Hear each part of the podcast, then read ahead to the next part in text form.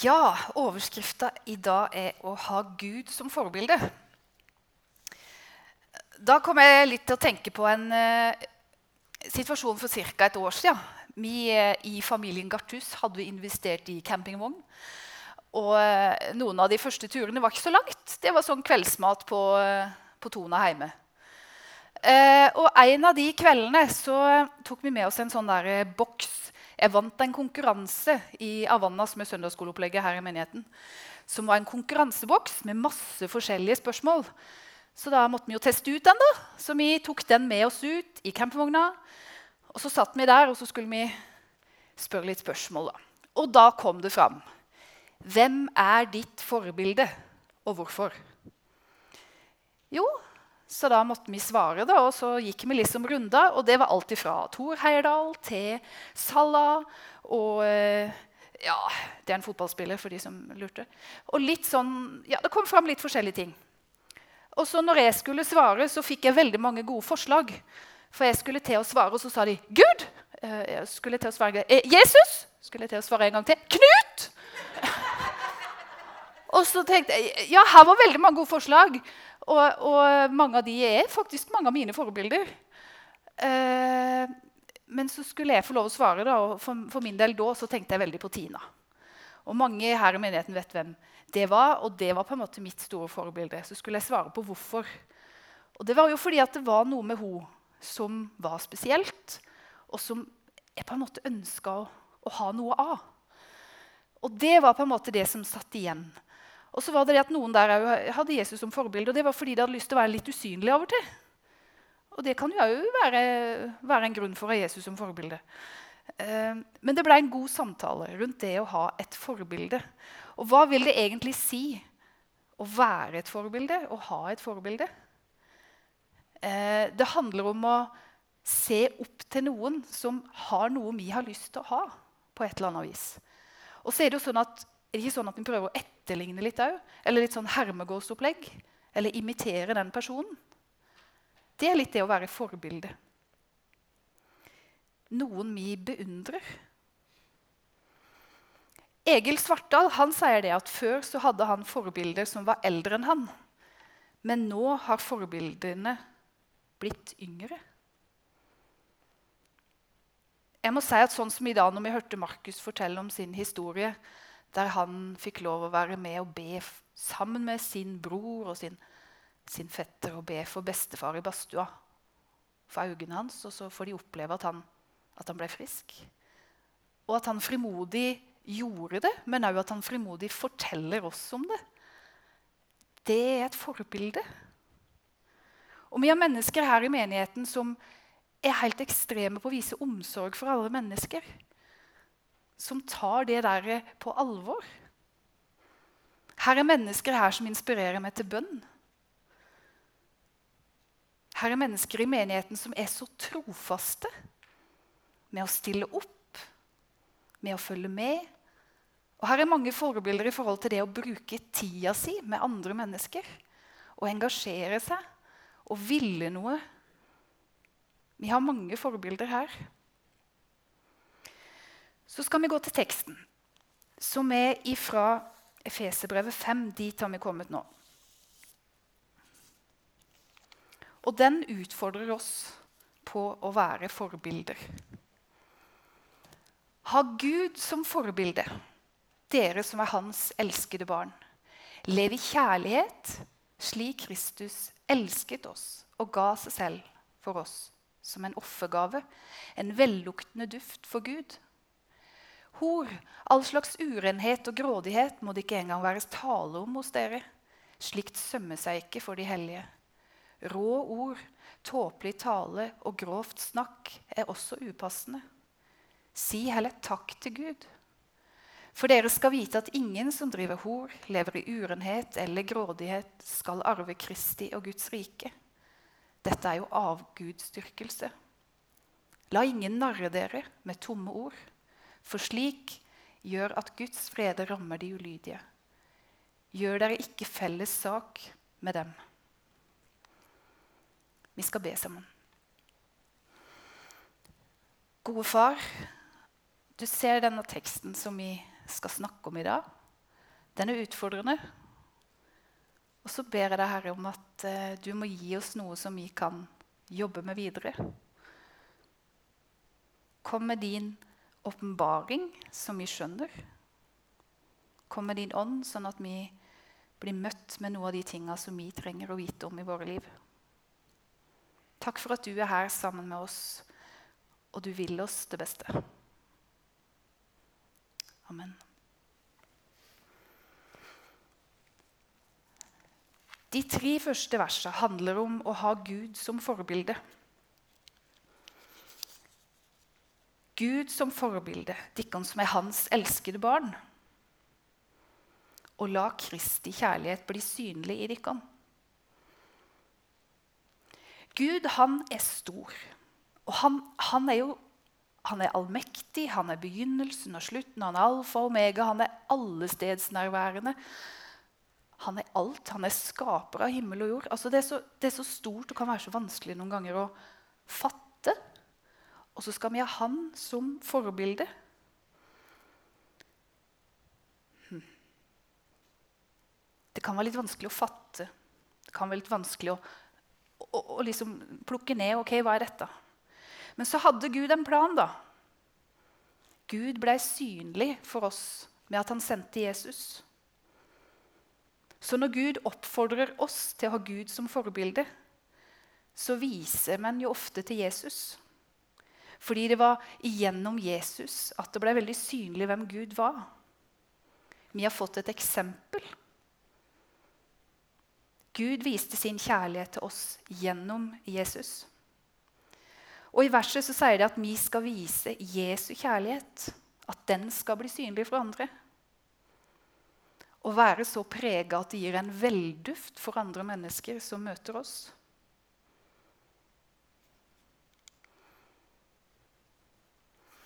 Fra vers 3 så står det om umoral. Og dette er sånn der Å, åh, Det er ikke godt å lese, men det står der. I, Paulus bruker ganske krasse ord Hold dere borte fra dette. Jeg vil ikke engang høre om det. Men i oldtida så var det faktisk sånn at de så veldig lett på seksuell umoral. Det var faktisk ikke regna som synd engang. Og det ble nærmest forventa at du skulle ha en elskerinne. Og det var faktisk sånn at mange jobba som prostituerte, og fortjenesten brukte de for å drifte tempelet. Så når Paulus kommer her og legger vekt på moralsk renhet, så var det fordi at han måtte heve standarden. Dette her var noe som ikke de drømte om engang, at kunne bli reelt. Men han måtte sette fingeren på det. Sånn går det ikke an å ha det. Han var tydelig. Grådighet og vondt snakk og dette det er ikke akseptabelt og det var talen til den tida, så kan vi tenke hva er akseptabelt for oss i dag, da?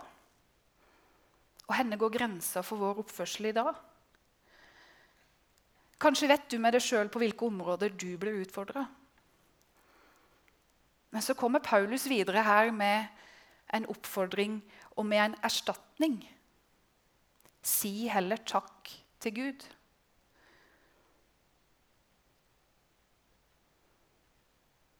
Videre står det òg det at eh, ikke la dere lure.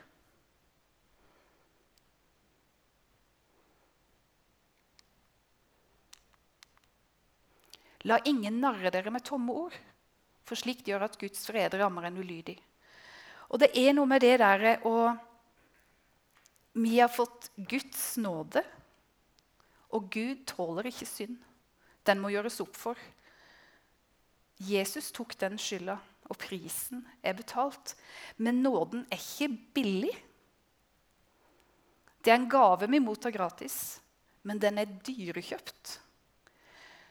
Så det sier noe til oss om at eh, Så ikke la det bli likegyldig, da. Eller ta lett på det. Og ikke la deg lure når mennesker prøver å si noe annet.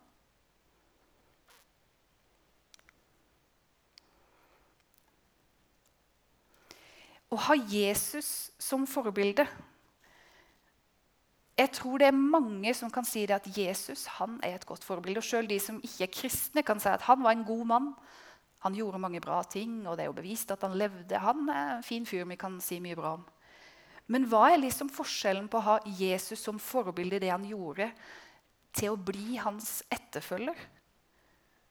For det innebærer noe litt annet. Det innebærer at vi ønsker å være Jesus lik i måten han møtte mennesker på, i hans måte å være på. Sånn at mennesker rundt oss kan si at oh, jeg kan ikke helt sette fingeren på hva det er, men det er noe med den personen. Den veldufta som det var snakk om.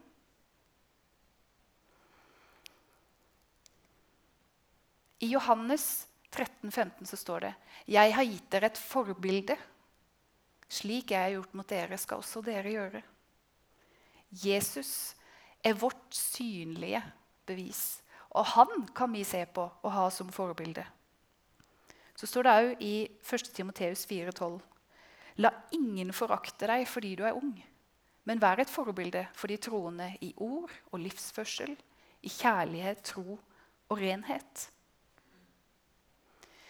Så hvis det er sånn at vi oppfordres til å ha Gud som forbilde, og vi kan bruke Jesus som et eksempel som er mer synlig og konkret for oss, hva har det å si for livet vårt i dag?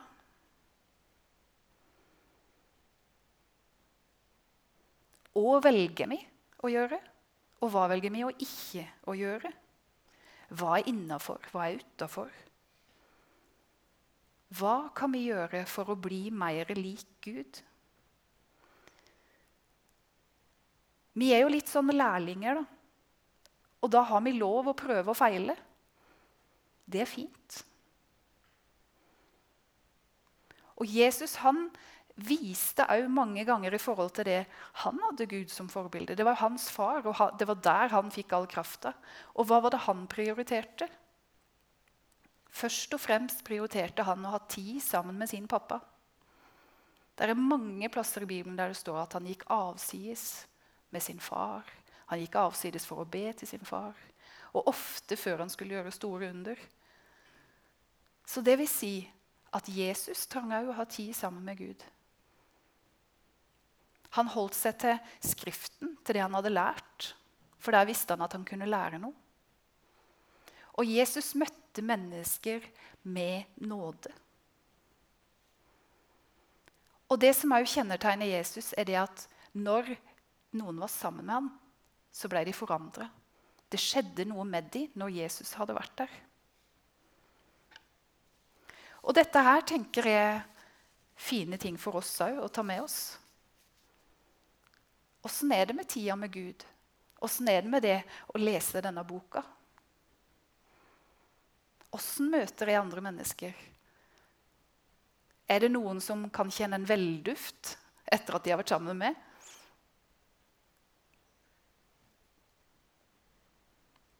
La Kristi kjærlighet bli synlig i deres liv. En som heter Oswald Chambers, han sier det sånn. Han er forresten en eh, pastor og forfatter, evangelist. Han sier at hovedsaken i kristenlivet er ikke det vi utfører, men det gudsforholdet vi virkelig gjør. Hovedsaken i kristenlivet er ikke det vi utfører, men det gudsforholdet vi virkelig gjør. Da handler det jo fort om hva vi prioriterer.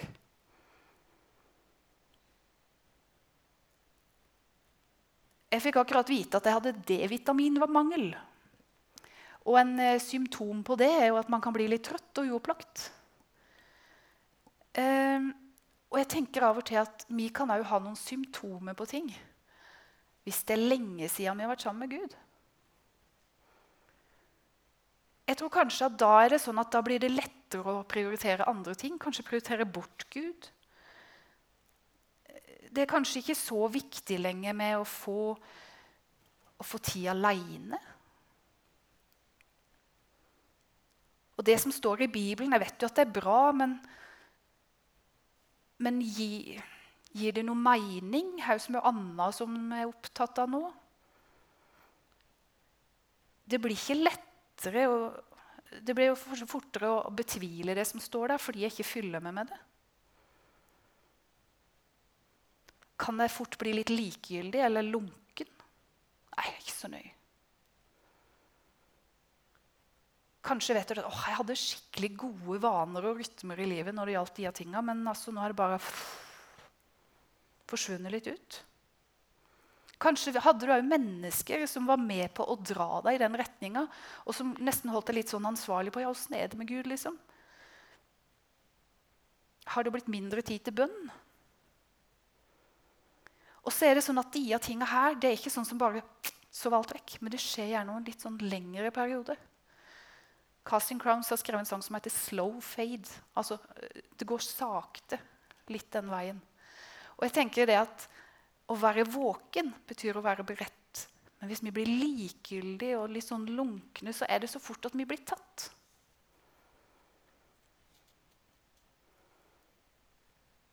Og hvis vi kjenner på de av symptomene, da, hvis du kjenner det igjen i noe av det jeg nevnte nå Tar vi tak i det, eller bare lar vi det suse og gå?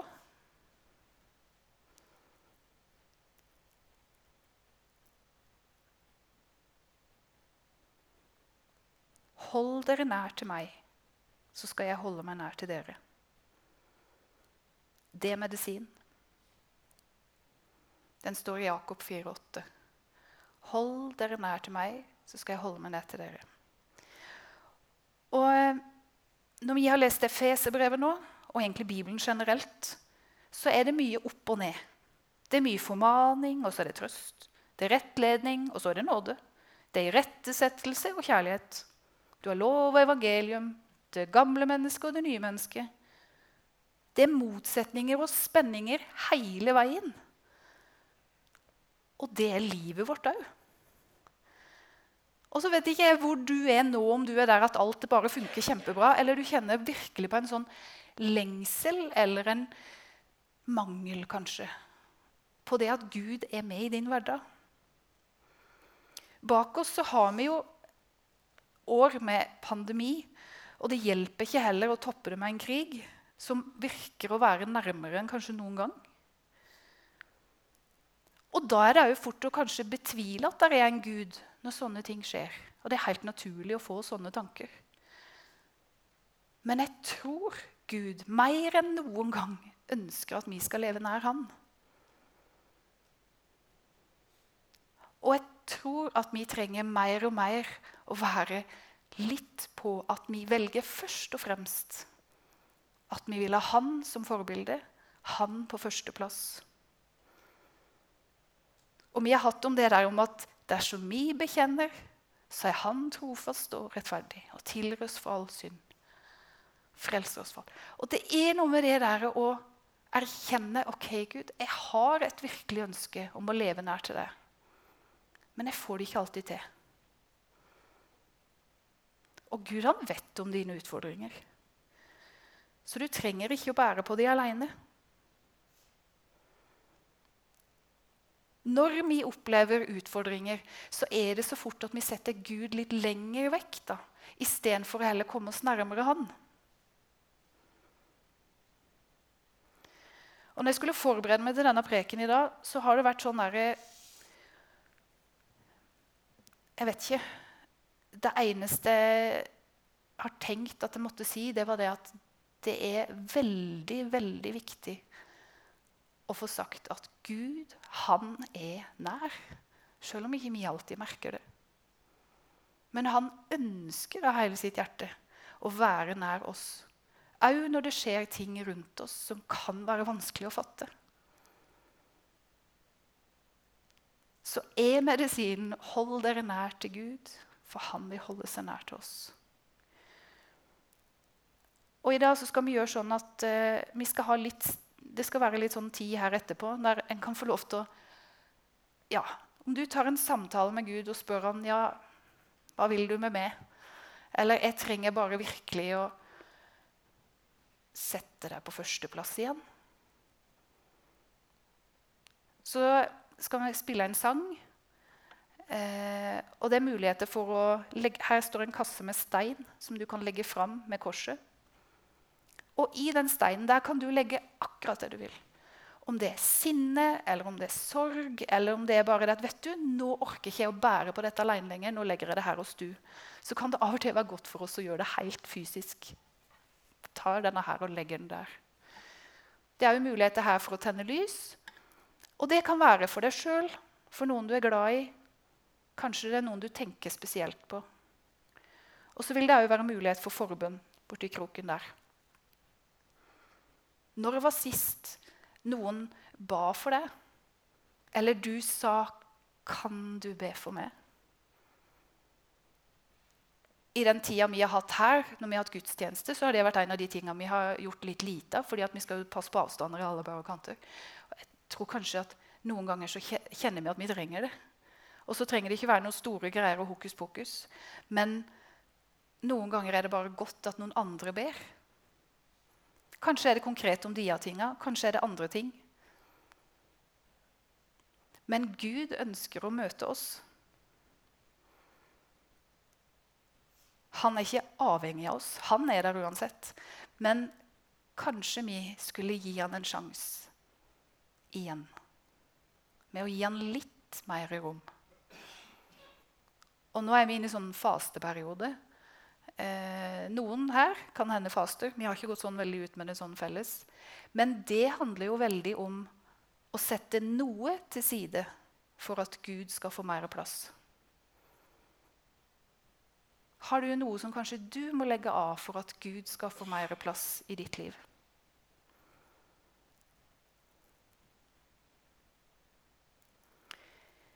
Kjære Jesus. Takk for at du, du er den samme. Og takk for at vi kan få lov til å ha du som forbilde.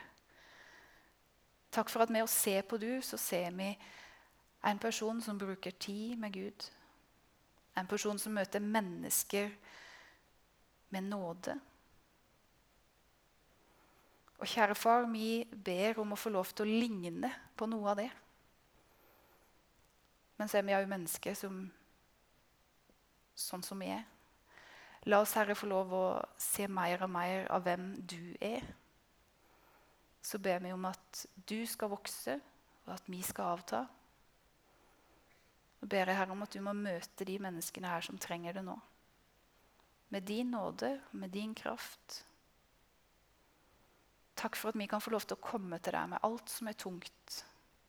Kom til meg, dere som strever og tungt å bære, og jeg vil gi dere hvile. Midt i alt som er, Herre, så ber jeg om at vi må få oppleve at vi kan ha fred med deg. Amen.